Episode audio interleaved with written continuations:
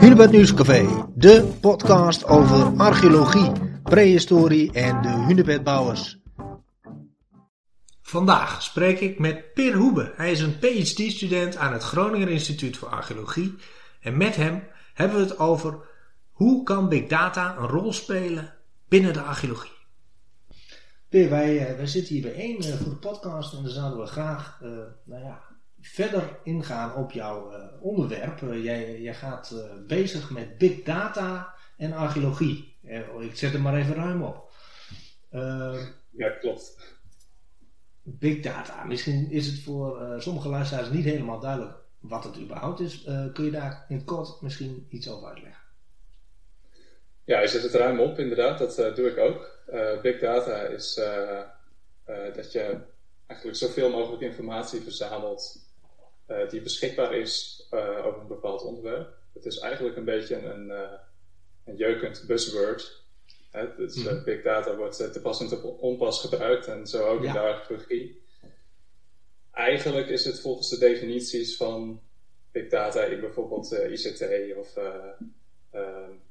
ja, bijvoorbeeld onderzoek naar Facebook-gegevens of dat soort dingen Mhm. is big data niet echt van toepassing op archeologie. We hebben het niet over uh, miljoenen datapunten die, uh, die zeg maar onze processors uh, breken. Nee. Maar eerder gewoon over eh, duizenden vindplaatsen en, en de gegevens die daartoe behoren.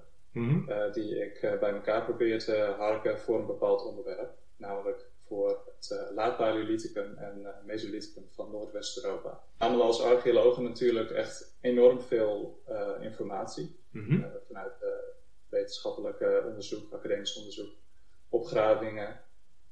dat verdwijnt allemaal in rapporten, ja. um, in de grijze literatuur. Mm-hmm. En zo hebben we dus heel veel informatie op een hele grote regionale schaal voor dit onderwerp, jaarverzamelaars. Ja. Maar tegelijkertijd zijn die jager-verzamelaars ook, vroeger waren zij natuurlijk erg nomadisch. En ook um, weten we uit, uit ons onderzoek uh, uh, naar deze culturen dat ze ook heel traditioneel zijn. Dat ze uh, cultureel gezien heel erg langzaam veranderden. Hm. En daarom is het ook een, een, goed idee, denk ik, om, om, om jagerverzamelaars zo breed mogelijk te benaderen.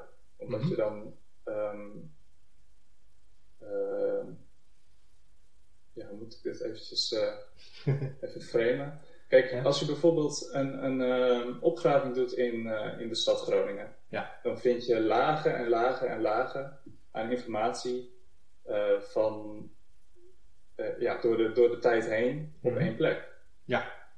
Maar ja, verzamelaars, omdat ze nomadisch zijn, laten ja, de ene week bijvoorbeeld in Borgen wat achter en de andere week in Groningen en de andere week in Emmen. En ja, dus zo krijg je pas een heel erg goed beeld van die samenleving als je al die informatie bij elkaar trekt. Ja, dus als je, wat je eigenlijk zegt is dat, dat de jagers wil je daar een, uh, goed naar kijken. Uh, dan heeft het niet zoveel nut om enkel in de uh, ja, de verticale manier te kijken, de opeenstapeling van gronden. Maar dan moet je eigenlijk uh, een, een, ja, zo breed mogelijk uh, terrein pakken, ook uh, juist vanwege hun nomadische bestaan. Ja.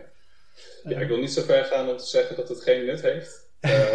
maar en, er zijn enkele vindplaatsen van ja. jaarverzamelaars die ontzettend veel informatie hebben geleverd. Mm -hmm. um, alleen wat ik wil benadrukken is dat voor veel cultuurgroepen die dan heel erg nomadisch zijn, bijvoorbeeld in het laat Paleolithicum, ja. dat dus één vindplaats um, slechts enkele weken of enkele dagen aan activiteiten representeert. Terwijl als je later in de tijd komt, wanneer mensen meer standvaster uh, uh, worden, sedentair worden, ja. dan kan een vindplaats dus honderden jaren, duizenden jaren uh, representeren. Die vindplaatsen hebben we ook wel voor jagerverzamelaars. Ja. Ehm, maar dan, dan nog is dat ja, zijn er plekken waar mensen weer weg zijn gegaan en weer zijn teruggekomen. Ja. Uh, door de tijd heen, door de millennia heen. Uh, nou, misschien uh, met uh, de kans dat het iets, iets samenvattend wordt, maar waarom heb je gekozen voor deze uitsplitsing? He, we zeiden al big data en archeologie. Dit is eigenlijk je onderwerp, is natuurlijk nog wel, wel ruim aan de ene kant, maar je hebt wel voor deze afbakening gekozen. Waarom is dat? Voor Noordwest-Europa bedoel je? Of voor uh, ja, Paleolithicum ja, en, Mesolithicum? Zowel het tijdperk als, als het gebied. Ja, ik, nou, ik richt me al sinds mijn studie, zeg maar sinds mijn bachelorstudie al op uh, jaarverzamelaars. En, ik heb me vooral gericht op Laat Paleolithicum. Mhm. En dat, dat vind ik gewoon een ontzettend interessante en, en leuke periode om, om naar te kijken. Het is echt een, uh, ja, een compleet andere wereld. Uh, ook geografisch gezien uh, lag natuurlijk de zeespiegel lag, destijds nog veel lager. En Noordwest-Europa was toen dus ja, was gewoon één, één land, ja. één gebied. zeg maar niet, ehm, er was geen Noordzee die, of kanaal die de die bijvoorbeeld Nederland van uh, Groot-Brittannië af, afsneed. Mhm. Dus ja, het was een, een, compleet andere wereld.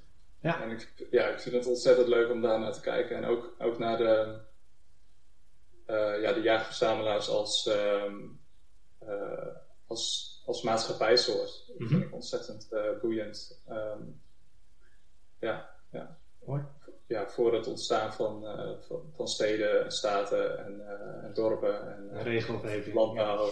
Ja, ja. regelgeving. Ja. Nee, heel, heel, heel, goed. En, Nou ja, en, en Noordwest-Europa heb ik gekozen ook vanwege dus het ontstaan van die Noordzee. Mm -hmm. Ik vind dat heel interessant dat dat gebied. En natuurlijk waren mensen heel nomadisch, dus konden, konden wegtrekken. Maar dat gebied, wat een enorm groot leefgebied moet zijn geweest, dat is ondergelopen. En die mensen die moeten uh, ja, daar toch mee hebben gedeeld, ja. uh, weggetrokken zijn. Of uh, ja, misschien zijn er groepen wel ja, daar, zeg je dat, gestrand geraakt. Ja, ja. op op Dogger-eiland. Of daar, ja, ja, de archipel van Doggerland. Mm -hmm. Dus ja, wat ik wat ik ga doen is uh, kijken naar uh, de landen rondom de Noordzee en, en, en, kijken of we iets terugzien in de patronen van uh, de archeologie, die mm -hmm. Ja, te relateren is aan de patronen die we kennen uit de klimatologie en de verandering in de omgeving en de zeespiegelstijging. Ja, allemaal big data die je verzamelt en waar je hoopt een verhaal mee te kunnen construeren. Ehm, tegen wat voor problemen loop je dan zo aan? Ja, je noemde inderdaad al eerder, er zijn een paar problemen. Mhm. Die, die uh, ja, vooral als je dus op zo'n grote geografische schaal en ook tijdschaal gaat, gaat kijken. En een van de belangrijkste is dus de patronen van ons onderzoek zelf. Mm dus uh, ja, we hebben natuurlijk als universiteiten of als beleidsmakers voor commerciële archeologie hebben we bepaalde focus. Ja. er zijn bepaalde vragen die we interessant vinden, bepaalde periodes die we interessant vinden, of bepaalde gebieden die we interessant vinden. Ja. En daardoor ja, richten bijvoorbeeld um, archeologen zich specifiek op ja, een bepaalde cultuur of op een bepaalde periode of een bepaald gebied. Ja. En zo ontstaat er dus meer data mm -hmm. voor zo'n specifiek gebied of periode of cultuur. Ja. Dus dat is een, een lastige. Mhm. Dat is iets wat ik, uh, ja, waar ik mee zal moeten omgaan. Ik moet, uh, ja, ja, ik moet daar kennis van nemen. Hoe dat precies zit, uh, hoe die mhm. onderzoeksgeschiedenis precies zit en de focus van, van ja, de studie naar jaarverzamelaars in het verleden. Mm En kijken of ik ja, dat, met dat in gedachten of door dat te corrigeren toch nog iets kan zeggen over de patronen uit het verleden zelf. Eh, wat je zegt is dat er dus eigenlijk met verkeerde ogen naar gekeken is of met een, uh, een, een, een, verkeerde, uh, hoe, zou ik dat eens even zeggen, vooringenomenheid. Nee, het is niet verkeerd. Het is, mhm. het is gewoon heel logisch dat. dat ehm, met de kennis van toen. Ja. Ja. Nou, niet, niet eens met de kennis van toen, ook gewoon nu. Hmm. Het is heel logisch dat, dat onderzoekers zich richten op iets specifieks. Of, mhm. of bijvoorbeeld als er een vindplaats is uh, die uh, heel erg goed, um, goede conserveringsomstandigheden heeft. En daar kom ik straks ook nog op terug, want dat mhm. is de volgende vooringenomenheid in de data. Mhm. ja, is het logisch dat onderzoekers zich daarop gaan richten en of op een bepaald gebied met, met bepaalde omstandigheden of bepaalde cultuur. Dus het, ja, het is, dat is de aard van onderzoek, dat we, dat we ons afbakenen en richten op een bepaalde periode, een bepaalde cultuur. Maar als je dat dan ja, soort van als een meta-analyse en big data aanpak wil gaan doen, dan loop je wel tegen die problemen aan. Ja. Nou ja, dat, ja, dat, dat, uh, dat kan ik niet uh, mijn voorgangers kwalijk nemen, zeker Nee, dus het is een kwestie van die afbaking goed in beeld uh, brengen en laten zien, zeg maar. Um, dus nou, dan hebben we dus, dus, dus een van de, van, de problemen waar je tegenaan loopt te pakken. En je zei net al kort iets over conserveren. Dat is ook een probleem. Ja. Ja, ja we hebben voor deze periode ja, het is erg lang geleden, uh, Mesolithicum en uh, Paleolithicum, daar hebben we voornamelijk vuursteen van. Ja. Dus uh, de, uit het vuursteen maakten we een gereedschap en dat vinden we vaak nog terug. Uh, botmateriaal, waar natuurlijk ook gereedschap van werd gemaakt, of gewei, of bijvoorbeeld uh, zaden en vruchten, de resten van het eten, die vinden we minder vaak terug, omdat die meestal, ja, die zijn daar natuurlijk al verrot. Hè, Zeker op de zandgronden van, van nou, het Wold. Mm -hmm. Of sorry, Trans Wold, gewoon Trans Plateau bedoel ik. Ja, ja, okay. um, ja, daar zijn die omstandigheden gewoon niet zo goed. Dus vinden we daar eigenlijk alleen nog maar verbrande resten, dus houtskool, haardkuilen. En um, en vuursteen. Ja. Maar er zijn ook gebieden waar die omstandigheden wel heel goed zijn. Hè? Dus bijvoorbeeld uh, in, de, uh, in het rivierengebied uh, in Flevoland hebben we uit, van die periode van het Mesolithicum en het Neolithicum bijvoorbeeld, hebben we wel heel veel potmateriaal. Mm en dat, dat biedt enorm veel informatie. Maar dat kan ook op deze grote schaal grote uh, geografische schaal kan het ons beeld beïnvloeden van uh, hoe het in het verleden eraan toe ging. Ja. Zeg maar. ja, dus er, er is bijvoorbeeld een, een, soort van narratief wat we hoe, over, ja, zeg maar, hoe wij schrijven over ja. het verleden. Mm -hmm. Dat dus in het laat, laat Mesolithicum dat mensen dan meer um, moet dat zeggen, dat mensen dan, dan meer in de, in, de, in de natte omgeving gingen wonen. Oh zo. In het moeras. Mhm. ja. En dat ze dus meer gebruik maakten van, van die omgeving en van, uh, ja. Uh, ja, en, en, en, van, uh, van de, de dingen die we in die omgeving vinden. Maar dat is dus een probleem van geografische verschillen in, uh, in conservering. Ja, dus, dus je, wat je zegt wat van... Wij... over het hoofd uh, wordt gezien hoor, door de onderzoekers die dat doen. Nee. Maar het is, het is gewoon iets wat ja. Uh, ja toch onze beeldvorming onder, onderbewust denk ik beïnvloedt. Doordat bepaalde grondgebieden zo slecht conserveren, kun je onmogelijk het hele verhaal vertellen uit die tijd. Is dat misschien ook een conclusie? Ja, dan, ja dus dan, dan moet je dus naar gebieden die wel goed conserveren of bepaalde vindplaatsen die uh, mm-hmm. bijvoorbeeld in beekdalen of uh, bij uh, of dat soort ja. dingen. Dat, dan, dan, dan kun je dat verhaal aanvullen voor die, um, voor die, voor die vindplaatsen in slechter conserverende gebieden. Ja. Maar ik denk dus dat, dat vindplaatsen die heel erg goed conserveren, omdat ze mm-hmm. dus in een bepaald gebied liggen, bijvoorbeeld, ja, een goed voorbeeld is Starcar in, in, in Engeland, in Yorkshire. Mm-hmm. Dat is een soort van ja, schoolvoorbeeld geworden van het uh, Mesolithicum. En het is heel erg beeldbepalend. En het is een. Um, daarnaast wordt het ook gezien als een hele bijzondere site. Zeg maar echt een, en het is het ook vanwege de conserveringsomstandigheden. Maar ik denk niet dat we kunnen zeggen hoe bijzonder die site is in de, in de brede zin. Waren we niet meer van dat soort uh, activiteiten die we dus niet terugvinden op het droge. dus ja. op, op, de, op de zandgronden. Ja, dus je zou... En wel ook, ja, het is, het is een beetje, het is wel een bijzondere site hoor, ook waarschijnlijk voor die tijd. Maar, ja.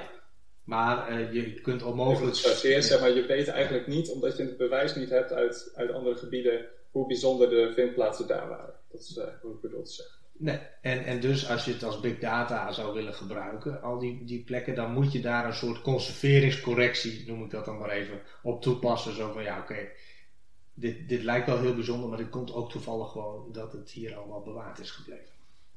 Ja, ja dat wordt wel een hele moeilijke. Ik eh, denk dat wat ik gewoon moet gaan doen is al die dingen in acht nemen en de, de patronen die ik uh, uit mijn uh, straks bij elkaar geharkte data uh, de patronen die daaruit komen, dat ik ja, die, die een beetje daar langs moet leggen en zeggen van oké, okay, ja. dit soort uh, pieken in de data die, die zijn dan weer te relateren hieraan en dit soort dingen daaraan. En waar mhm. zien we nou bijvoorbeeld veranderingen in activiteit die niet te verklaren zijn door te kijken naar conserverings- of onderzoekspatronen. ja. Um, hebben we zo dan nu de beetje, meeste beetje technisch, uh, problemen getackled? Ja, ja. dat geloof ik wel. Um, ja, ja. Nou, wat ik, wat ik wel interessant vind is, eigenlijk, je hebt al vanaf het begin van, van, uh, van jouw uh, studerend leven gekozen dus om, om, om, veel kennis te vergaren over jagers-verzamelaars. Um, en je gaat het dus ook nu in, in, in, in deze, dit project over big data doen. ja, wat voor beeld bestaat er van de jagers-verzamelaars en, en, en waarin is hij eigenlijk niet correct of onvolledig? Hmm. Nou, waar het niet correct of onvolledig is, dat, uh, dat, dat kan ik niet uh, beantwoorden, denk ik. Nee. Uh, misschien over vier jaar kan ik ja, dat ja, ja, beter beantwoorden. ik ben er nog even van. ik ben, ben net eind vorig jaar begonnen met mijn PhD. Ja. Um, nou ja, eh, eh, wat betreft het, eh, beeld van jaarverzamelaars in Paleolithicum en Mesolithicum mm kunnen we wel even ja, door, de, door die geschiedenis heen lopen. Van, Neem ons dus mee, ja, lijkt me goed. Ja. nou, ik, ik heb dus voor mijn masterscriptie heb ik mij gericht op de eerste bewoners na, of aan het eind van de ijstijd. Dus dat, dat zijn dan de moderne mensen die mhm. zich in Noord-West-Europa gaan settelen. Hm. Uh, dus het zijn niet de eerste bewoners van Nederland. Dat, uh, zeg maar de eerste die we kennen, dat zijn Neandertalers. Maar uh, daar, daarna komt weer een koudere fase van de ijstijd. Raakt Nederland onbewoonbaar en trekken mensen naar het zuiden. Mm Zo rond 40.000 jaar geleden komen de eerste moderne mensen uit Afrika naar, naar Europa toe. En langzamerhand trekken zij ook noordwaarts als het opwarmt. Ja. Dus de eerste cultuurgroep die, die dan aan bod komt voor Nederland is de, is de Magdalénien cultuur. Dat is een cultuur vernoemd naar uh, vindplaats in Frankrijk, La Madeleine. Mm -hmm. En dat is een uh, ja, cultuur waar waarschijnlijk kent, kennen niet veel mensen de naam, maar mensen hebben er wel een beeld van. Want dit is die cultuur uit Frankrijk die bekend is van de grotschilderingen, ja. Van uh, de beeldjes, venusjes, die we vinden in, ja, in Frankrijk, Zwitserland, Oostenrijk en Zuid-Duitsland. Dus dat, mhm. Dat is een, een hele belangrijke cultuurgroep die zich dus naarmate de ijstijd een beetje milder wordt, ja. um, zo'n 17.000 jaar geleden, beginnen zij zich te verspreiden over Centraal-Europa en ook naar Groot-Brittannië. Mhm. En dan krijg je zo'n uh, eh, 16.000 jaar geleden, 15.000 jaar geleden, krijg je een ja, markante opwarming. En dan worden ook noordelijkere gebieden, dus zoals Noord-Duitsland, Noord-Polen, Nederland, mhm. het noorden van Groot-Brittannië, die worden ook bewoonbaar. Die, die veranderen van een poolwoestijn naar een tundra. Ja. En dan splitsen zich uh, groepen af van de Magdalenian cultuur. Die, uh, die, zich specifiek gaan richten op, um, uh, op rendierjagen. Of in ieder geval op leven op die tundra. Ja. En dat is dan in het oosten is dat de Hamburg-cultuur. En in het westen, in, in Groot-Brittannië, kennen we de Cresswell-cultuur. En daar hebben we ook een paar vindplaatsen van in Nederland. Hm. Dan die Magdalenian cultuur die blijft voortbestaan in het zuiden en dan ontwikkelt daaruit de Azilian cultuur. En dat is een, uh, uh, ja, een heel andere ja, materiële cultuur, zeg maar, is veel simpeler. Want de Magdalenian was heel erg, um, qua vuursteenbewerking waren ze heel erg uh, complex en uitgebreid. En uh, heel erg gericht op regelmatige klingen maken en daar dan weer de, de werktuigen van maken. Mm-hmm. En de Azilian is wat meer um, ad hoc, wat meer simpeler, uh, effectiever misschien op die manier qua het maken van, van de materiële cultuur. En die verspreidt zich over datzelfde gebied. En die, en die is, in Nederland is die bekend als de Vedemessencultuur. Ah. En die verspreidt zich uh, op het moment dat de boomgrens ook noordwaarts trekt. Dus, dus we hadden eerst een toendra in uh, Nederland en dan op een gegeven moment um, ja, worden de, de condities eigenlijk vergelijkbaar met nu. Of in ieder geval, in, nou niet met nu, maar met later en begin van het Holocene. Ja. Ehm, en komen hier dus dennen en berkenbossen. Dus een taiga, soort van uh, taiga-omgeving. Mm -hmm. En, de, en, dat is geassocieerd met die Venemenscultuur. Ja.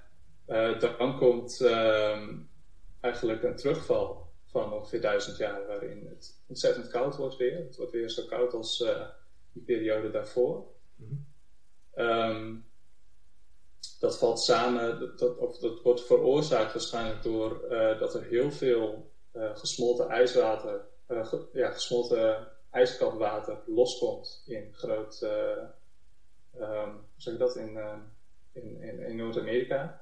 Oké. dat ijswater dat komt in de Atlantische Oceaan terecht en verstoort zeg maar die golfstroom, die warme golfstroom die Noordwest-Europa eigenlijk gematigd houdt. Mm -hmm. En daardoor valt de, de, het klimaat weer terug naar een, uh, ja, naar een stuk koudere uh, condities. Mm nou, dan trekken de mensen dan terug naar het zuiden.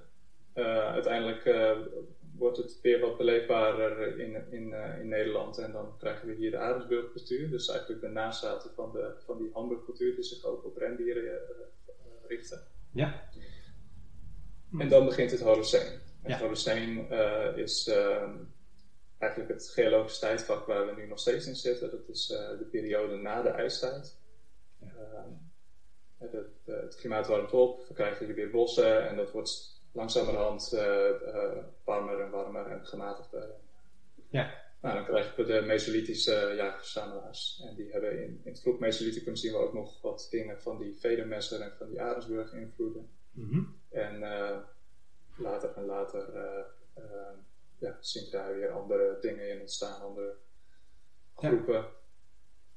En uh, ja, die Mesolithische mens die had dus uh, uiteindelijk ook weer verder te maken met die naweeën van het afsmeltende landijs van de poolkappen. Namelijk, zoals ik eerder noemde, dat uh, onderlopen van Doggeland. Ja. Het, het, gebied op wat, wat nu de Noordzee is. Dus dat is even in, in vogelvlucht. Ik denk dat ik ja. er lang over heb gedaan, maar... nou ja, ja goed. Je, je, je, je, moest ook wel aardig wat, wat tienduizenden jaren uh, door. Uh, dus op zich, nee. Eh, helder, mooi. Ehm, ja, misschien kunnen we nog even terug naar de, zeg maar de, hoe jij ehm, je afstudeer project of scriptie, hoe zou ik het eigenlijk noemen? Ja, um, ja mijn PhD, mijn dissertatie. Ja, ja. ja. Ja hoe zou, zeg maar, wat is het plan van aanpak voor je PhD? We hebben nu kort gesproken over, over uh, tijdvak, over de problemen van big data en, en het gebruik daarvan in de archeologie. hoe ga, ja, wat is het plan van aanpak? Nou, ik, ik heb eerder al even geschetst wat ik ongeveer wil beantwoorden. Dat is mm -hmm. dus kijken naar die patronen die we op grote tijds- en, en ruimtelijke schaal zien. En ja, die proberen in relatie te brengen tot, tot veranderingen in uh, klimaat en, en, in de omgeving. Mm -hmm. um, en dan ja, met die patronen, dan, dan, dan wil ik me ook uiteindelijk richten op uh, ja, uh, veranderingen in het gedrag of in de organisatie van, van die vindplaatsen. Of van ja, wat, ja, wat voor materiële cultuur zij gebruikten. Mm -hmm. Dus um, om dat te doen, moet ik eerst kijken naar die tijdsfactor. Want dat is um, eigenlijk een lastige, ja, lastiger um, factor dan zeg maar de ruimtelijke. Mm wat we hebben voor elke vindplaats die we, die we vinden, elke opgraving die we doen, hebben we hele exacte ruimtelijke coördinaten. Dus we weten precies waar het vandaan komt. Ja. Maar erachter komen hoe oud het precies is, ja. is soms ehm, wat lastiger. Mhm. dus dat, dat, doen we met uh, kijken naar, uh, uh, ja, naar stijlen in de materiële cultuur of eh, dat soort dingen. Dat, ja, dan, kunnen we dat soort van ja. indelen op, een, in op een relatieve schaal. En die, die zijn dan door associaties met dingen die exact te dateren zijn, wel te plaatsen in de tijd uiteindelijk. Hè? Dus, mhm. dus dat, dat, dat ja. Um, dat doen we dan met, met C14-dateringen. Dus uh, ja. bijvoorbeeld koolstof of uh, botmateriaal of mm -hmm. uh, plantenresten, die zijn allemaal te dateren door zeg maar, het, het koolstof wat daarin zit in een machine te gooien. Even ja. simpel uitgelegd. En dan komt daar een, een, bepaalde waarde uit. Ja. Ja. En die staat ongeveer gelijk aan de ouderdom. Mm -hmm. ja. Omdat het koolstof radioactief is. Mm -hmm. En um, dus wat ik nu in mijn eerste fase van het project doe, is uh, zoveel mogelijk van die radio, uh, uh, die, die radiokoolstofdateringen ja. bij elkaar te brengen. Oké. En ja, en dus ja, -hmm. kijken wat voor patronen er op de, op de tijdschaal zeg maar, plaatsvinden en dan mm -hmm. naar ja, regio's. Ja. Vervolgens um, of had je een vraag daarover? Nee, dat is helder tot zover, ja? Ja. Nee? Oké. Vervolgens eh, wil ik me dus op die veranderingen in de omgeving gaan richten. dus die, die verandering op de tijdschaal, die kan ik ook wel relateren aan bijvoorbeeld klimaatfluctuaties en dat soort dingen. Ja. Maar die klimaatfluctuaties, die hebben natuurlijk ook invloed op de directe omgeving. Dus wat ik wil gaan doen is uh, kijken of ik dat kan uh, modelleren. Dus uh, met ja, ruimtelijke computermodellen kijken naar de zeespiegelstijging, mm -hmm. naar de geologie, um, die bekend is van de Noordzee en van Noordwest-Europa, en kijken hoe, um, hoe we verwachten aan de hand van die modellen, dus dat, dus dat moet ik dan allemaal nog gaan uitzoeken. Ja. Uh, hoe um, we verwachten dat de omgeving is veranderd. Dus, dus mhm. dingen als onder water zijn gelopen, gebieden al onder water zijn gelopen, of dat gebieden natter zijn geworden, dat veenvorming is begonnen, uh, of de omstandigheden goed genoeg waren voor bijvoorbeeld bepaalde plantensoorten. Mhm. Ja. Dat, uh, dat wordt de volgende fase en uiteindelijk wil ik dan die twee samenbrengen en ook nog die cultuurfactor, uh, de materiële cultuur, daarin brengen. En kijken of we dus ruimtelijke en chronologische verschillen zien ja. in culturele activiteit en economische activiteit en patronen van ja, of, of op een andere manier omgingen met hun omgeving of met hoe vaak ze terugkwamen op dezelfde plek of dat soort, mm dat soort dingen. Dus, dus dat, is, dat is in de laatste fase van het project. Het is in elk geval aan ambitie geen gebrek. Toch? Ja, het is heel ambitieus en uh, dat zal ik vast ook gaandeweg moeten bijstellen. Uh, dat hoort er ook bij. dat hoort er ook bij. Maar ja, goed, ik, ik, ik uh, de, de, poging alleen al is al prijswaardig. ik bedoel, dit is natuurlijk iets wat ook wel heel erg in deze tijd past. dus niet heel specialistisch alleen maar kijken naar een vindplaats of, of een bodemprofiel of maar proberen te combineren van, van verschillende data en daarmee een, ja, uh, een feitelijk juist verhaal te vertellen. Hè? Ja, ja, ja. en de combinatie met uh, andere disciplines, hè? dus uh, geologie. Ja. ja. ik kan me voorstellen dat je dendrochronologie ook nog wel goed zou kunnen gebruiken. Ja, inderdaad. en, ja gewoon inderdaad klimatologie. Ja, ja dus ehm, ja, dat past zeker in, in deze tijd. En mm. uh, ook het big data verhaal. En ik ben nu dus ja, bezig met programmeren en zo. Dat is voor mij compleet nieuw. Dus dat is ook wel weer interessant. ja. dat is inderdaad misschien niet iets wat, wat je zo zou denken bij een PhD-student archeologie. Nee, bij een archeoloog. Ja, nee, ja. ja. Ik, ik, heb me ook eerder veel meer gericht op bijvoorbeeld op, op vuursteen analyseren. En soms dan denk ik ook wel van, als ik zit, code zit te typen, denk ik van, nou, ik wil wel weer eens naar een vuursteentje kijken. Ja, ja. goed, dus dat, ja, dat begrijp ik heel goed. Hey, misschien is het nog leuk om even die klimatologie kant op te gaan.